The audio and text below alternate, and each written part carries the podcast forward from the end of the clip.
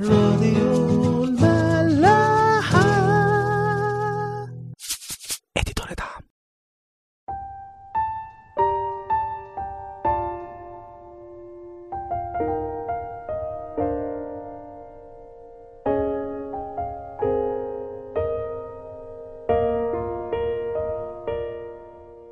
مساء الخير واهلا بيكم في حلقة جديدة من برنامج عيش وملح. هنكمل مع بعض النهارده نشيد الأنشاد. دي تاني حلقة نتكلم فيها عن السفر الجميل ده. وبصراحة أنا متحمسة بشكل مش طبيعي.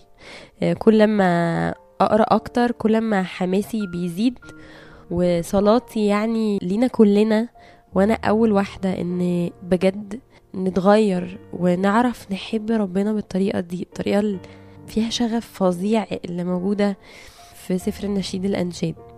نشيد الأنشاد بيبتدي آية واحد مكتوب كده نشيد الأنشاد الذي لسليمان. ونلاحظ إن هو هو مكتوب عنه كده في أول آية إن هو نشيد الأنشاد. نشيد الأنشاد معناها إن هو في الوقت ده كان بيكتب شعر كتير وداود بابا سليمان اوريدي أصلا كاتب أشعار كتير جدا ومزامير. بس النشيد ده متقال عليه إن هو نشيد الأنشاد. يعني هو أحسن نشيد في الأناشيد كلها. واخد صفة خاصة جدا في الإنجيل ومحطوط في سفر لوحده تماما. اللي هنكتشفه مع بعض ليه هو واخد الصفة الخاصة دي وليه متقال عليه إن هو أحسن نشيد في الأناشيد كلها وإن هو أحسن شاعر اتكتب وأحسن أغنية اتغنت في الأغاني دي كلها. السبب إنه النشيد ده وفي التفاسير الحديثة يعني بيرمز وبيتنبأ عن علاقة المسيح بالكنيسة أو بالنفس البشرية اللي هو فداها فالنشيد ده بيتكلم بصورة تنبؤية عن المسيح اللي هيجي ويتجسد ويفدي ويخلي العلاقة ما بين الله والإنسان ترجع لسابق عهدها. زي ما ربنا عايز فيها كم الحب ده والاشتياق ده اللي هي زي ما بيتشبه كتير في العهد الجديد علاقة المسيح بالكنيسة زي علاقة العريس بالعروسة. فهنا بقى في نشيد الأنشاد الموضوع بقى مش متساب لآية واحدة بتشرح علاقة العريس بالعروسة أو علاقة المسيح بالنفس. لأ ده عندنا تمن أصفار بيشرحوا بالتفصيل شكل العلاقة دي المفروض يبقى عامل إزاي ونوع الحب وإيه الطلبات اللي بتطلبها العروس من عريسها والطلبات اللي بيطلبها العريس من عروسته وعلاقتهم شكلها عامل إزاي. فده سبب أهميته. في آية 2 أو بداية النشيد يعني اللي بتتكلم هي العروس. ودي حاجة ممكن تبقى غريبة شوية إنه طب مش ليه الكلام ابتدى عن شخص سليمان اللي هو بيرمز للمسيح أو العريس اللي هو بيرمز للمسيح؟ واللي بتبتدي هي العروس. الموضوع ده ليه سبب. وهنلاحظ كمان إن العروس بتتكلم أكتر من 40% أو 50% من الكلام اللي مكتوب في النشيد اللي بتقوله هي العروس مش العريس. ده بيرمز لأن العروس دي قوية. عروس هي اللي بتسعى هي اللي بتاخد الخطوة الأولى هي اللي بتطلب عريسها هي اللي مشتاقة له هي اللي بتحبه. وده باين كمان في كلامها مش بس كتر كلامها لأ الكلام اللي هي بتقوله دايما في طلب بلجاجة وبحب شديد جدا لعريسها اللي هو المسيح.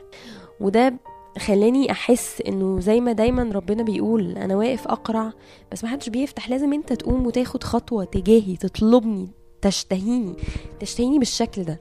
ففي آية 2 العروس بتقول ليقبلني بقبلات فمه. أول طلب بتطلبه العروس من عريسها إن هو يجي يقبلها بقبلات فمه.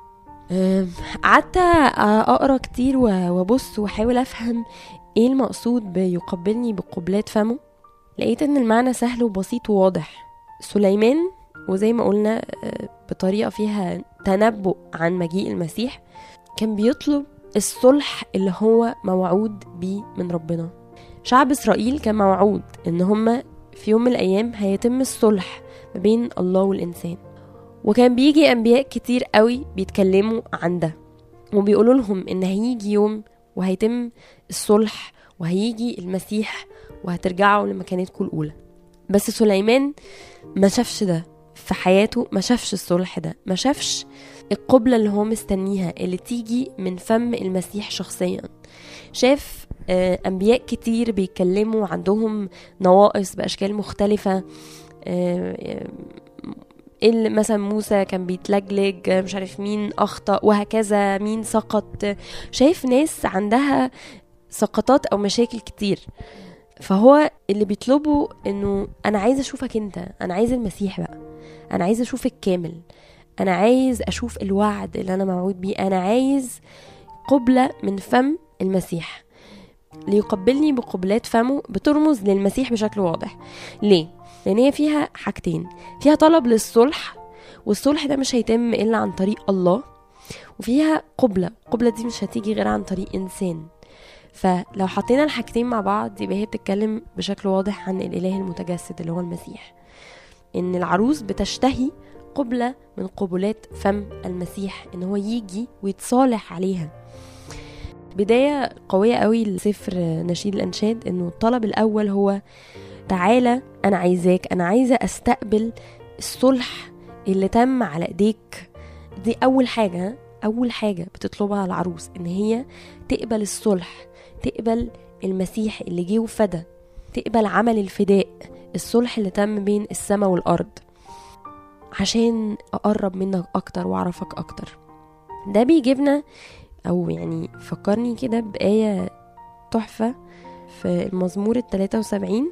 التلاتة وسبعين ده مش كاتبه داود ده كاتبه واحد اسمه إيساف. الآية 25 بتقول من لي في السماء ومعك لا أريد شيئا في الأرض. الآية بتقول هو أنا ليا مين غيرك في السماء؟ وأنا معاك مش عايز أي حاجة تانية في الدنيا. زي طلب العروس كده إن هي تطلب المسيح أو الله بلجاجة. هي اللي بتبتدي هي اللي خدت الخطوة هي اللي بتطلبه. هو شهوة قلبها وبتطلب إن هي تقبل الصلح ده إن هي تاخد الصلح ده اللي تم ما بين السماء والأرض عن طريق المسيح. المدخل لحياة مليئة بالحب والشغف وكل حاجة حلوة مع ربنا هي إنك تقبل القبلة أو تطلب القبلة اللي هي الصلح ده. تقبله في حياتك تصدق إن المسيح جه وفداك وهو ده المدخل لعلاقة بقى هنتكلم فيها في الآيات اللي جاية. علاقة مليانة بالحب والولع والشغف بطريقة جامدة قوي. يمكن نشيد الأنشاد لو انفصل عن الإنجيل أو شلنام الإنجيل وقعدنا نقراه هننبهر انبهار كامل بإيه الحب الرهيب ده إيه الشعر الفظيع. هو فعلا كشعر هو حاجة رائعة يعني. بس اللي بيخليه أروع وأروع لما بنيجي نحط الشعر ده في إطار الإنجيل ونتصور إنه هي دي علاقة الحب اللي ربنا عايز يبنيها معانا. مفيش إله ممكن يبقى أروع من كده. آه، كل شهوة قلبه إن إحنا نبقى بنحبه بالطريقة دي. وهو ادانا زي حاجة بسيطة نتذوقها في الأرض من الحب ده. أشكال وأنواع كتيرة من الحب وطبعا يمكن تبقى من أقواهم آه، علاقة الحب ما بين الراجل ومراته والوحدة اللي بيديها سر الزيجة. اللي المسيح بيتمنى إن علاقتنا بيه تبقى ولو على الأقل نفس مستوى العلاقة دي لو مش أحسن وأقوى بكتير. فطلبي النهاردة من كل واحد فينا إنه يقعد كده شوية مع نفسه ويبتدي يقول له يا رب أنا عايز أقبل عمل خلاصك في حياتي أنا عايز القبلة دي عايز أعرف إن أنت إن أنا إن إحنا اتصالحنا خلاص عايزه أقبل حبك ده عايزه أقبل عمل الفداء ده في حياتي واحس إن أنا دايما محمي بدم المسيح. وأحس بقيمة آه، الفداء ده وأحس إن خلاص الخطية مبقاش ليها سلطان عليا وإن أنت جيت وفادتني وحبتني لأن قبول فدائك ده هو بداية كل حاجة حلوة في حياتي. هو هو البداية لأي علاقة أنا عايزة أبنيها معاك. فنفسي كلنا نصلي آه، للموضوع ده النهارده وأنا اولكم يعني. واشوفكم بقى الحلقة الجاية ونكمل مع بعض. آه، لسه هنكمل أصلا آية اتنين من سفر النشيد الانشاد لأن إحنا ما خلصناهاش. اشوفكم الحلقة الجاية.